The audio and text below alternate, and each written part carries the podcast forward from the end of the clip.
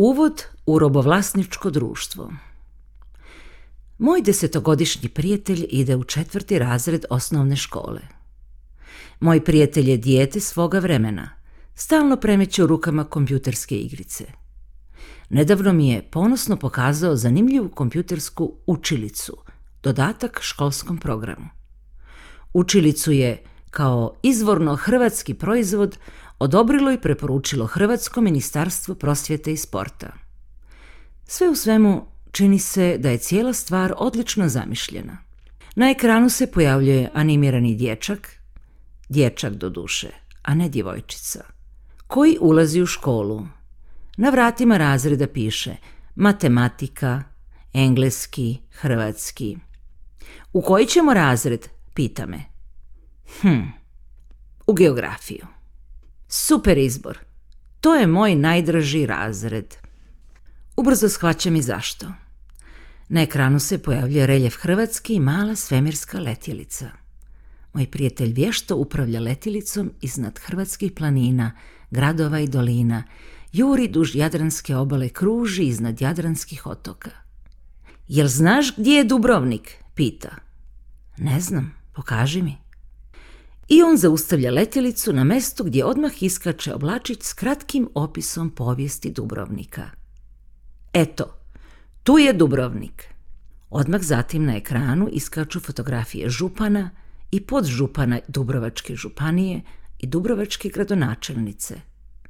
I iznad njihovih glavo pojavljuju se oblačići s kratkim opisom njihovih zasluga i nazivom stranke koje pripadaju, što je gotovo nepotrebno, jer većina pripada stranci na vlasti. Zamjećujem da su kratki CV tekstovi u oblačićima obimom veći od povijesnog CV-a grada Dubrovnika. Uzimam kompjuterskog miša u ruke i sada ja upravljam letjelicom. Split, Rijeka, Zadar, Osijek. Svugdje iskaču glave hrvatske političke elite. Hej, daj mi Miša, to je moja igra, kaže. Desetogodišnjak je očaran igrom a meni kuha. Ipak držim jezik za zubima. Nije moje da zbunjujem dijete, da mu govorim kako je gradonačelnik, župan ili podžupan zapravo lopov, kriminalac, švercer oružjem ili mafiozo. On i onako zna njihova imena. Političari se i onako stalno pojavljuju na televiziji, u novinama, na zasjedanjima sabora. Političari su medijske zvijezde tranzicijskog društva – Dječak u novinama može vidjeti fotografije njihovih vila, njihovih stanova, njihovih tvornica, njihovih liječničkih dijagnoza i operacija, njihovih žena i djece. Što više, može pročitati kako je kćerka nekog političara upravo diplomirala na Harvardu. Može ih svaki dan čuti kako s TV ekrana grme o moralu, o rodoljublju, o nepravdama, kako javno crnjuju jedni druge, kako se slizavaju jedni s drugima. Uostalom, svi su ista sorta. Kompjuterska učilica s fotografijama lokalnih moćnika, prosutima po hrvatskom reljefu za desetogodišnjaka je posve prirodna stvar. I dok ja u sebi gunđam kako je sve to besprimjerni kriminal – kako su krimosi penetrirali u sve, kako su čak uspjeli ući u školske programe, kako su sami sebi dali status historijskih spomenika, moj desetogodišnji prijatelj je oduševljen. Zna ime i lice svakog polupismenog lopova koji je preko noći postao branitelj domovine – general okićen državnim medaljama, vlasnik tvornice koji je kupio za cijenu boljih cipela, uspješni poduzetnik, gradonačelnik i uvaženi sabornik. Osim lopova i tranzicijski popovi sebi ubrzano dižu spomenike. Hrvatski katolički hramovi iskaču brzinom popkorna svuda, u svakom selu, u svakoj zabiti, u svakom naselju. Betonski komunistički stambeni blokovi u novozagrebačkim naseljima, ti koji su osigurali jeftin smještaj stotinama tisuća ljudi, sada su konačno dobili svoj pravi smisao – golemu betonsku crkvu. Monumentalne betonske crkve često imaju tornjeve od stakla u kojima klizi lift.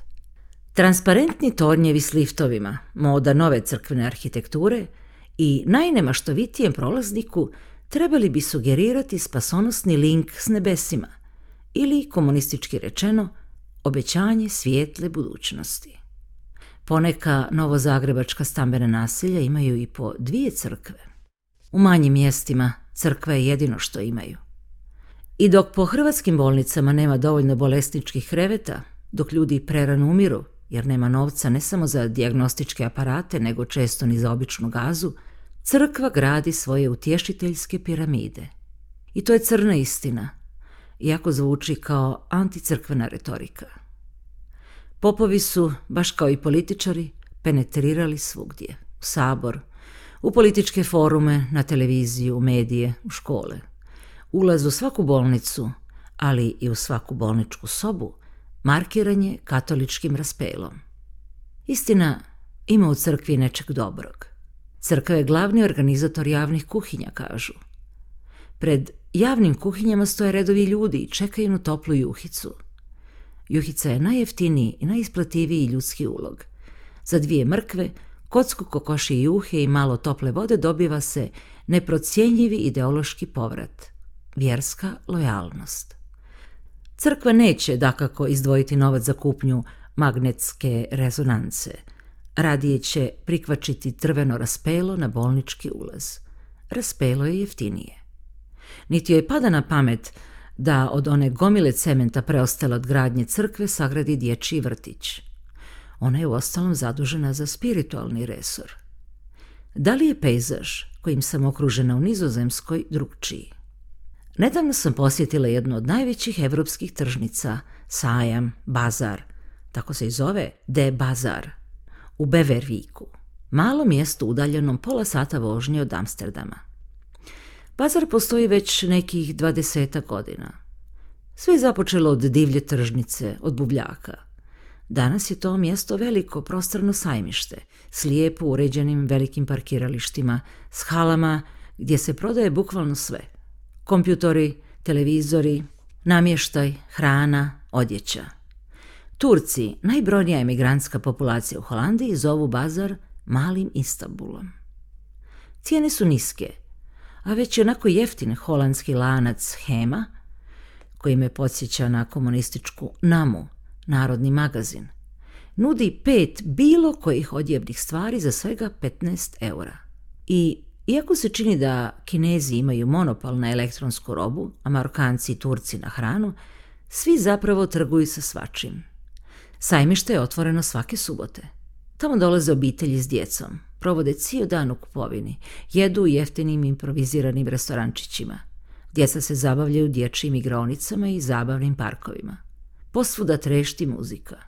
Sajmištem teče rijeka od nekih stotinjak etniciteta, koliko ih živi u Nizozemskoj. I dok se u holandskom političkom životu žučljivo raspravlja o integraciji, koja kao da je postala pitanje života ili smrti holandske države, o lojalnosti prema holandskoj državi, o identitetima, o etničkim pravima, o kulturnim i religijskim razlikama – o etničkoj napetosti, o gradnji još jedne džamije u Amsterdamu koje će smiriti napetosti. O svemu dakle što smiruje, ali jednako tako i zavađa ljude, ovdje, na bazaru, vlada drugi zakon. Dok promatram ljude koji osvjetljeni bijelim ožujskim suncem kljucaju pržene krumpiriće prelivene majonezom, bazaju među štandovima tražeći kakvu sitnicu, hodaju notovareni plastičnim vrećicama, postaje mi jasno – da je jedan starinski pojam istjeran iz svakog, pa tako i političkog mišljenja. Pojam klase. Jer sve ove ljude ovdje ujedinjuje ista klasa. Svi su oni ovdje, i bijeli holanđani, i tamnoputi marokanci, i crni surinamci, i žuti kinezi, odjeveni u istu odeću, čija cijena ne prelazi desetak eura. Svi imaju isti ukus, svi kupuju iste jeftine sofe – iste plastične igračke za svoju djecu, iste televizore, svi nose na zaglavcima iste satove. Svi su oni smeće, trash, lišeno svijesti o vlastitu položaju. Lukavi političari i još lukavi popovi podmetnuli su im igračku, pravo na religijski i etnički identitet. Turcima se čini da je neobično važno to što su Turci – Marokancima to što su Marokanci, Holanđanima to što su Holanđani, Hrvatima to što su Hrvati, Srbima to što su Srbi. I svi oni žvaću i natežu svoj sveti identitet kao žvakaću gumu. I ne videći da je u pitanju jeftini substitut, ne shvatajući da je to jedino što i mogu žvakati, jer svi pripadaju istoj klasi, klasi deklasiranih. Reci, tko je gradonačelnik Osijeka? Pita me. I ja protiskujem ime lokalnog krimusa i gradonačelnika s mukom. Bravo, položila si geografiju s peticom, kaže desetogodišnjak. Položila sam uvod u novo robovlasničko društvo, mislim si, ali ništa ne kažem. Veljača 2007.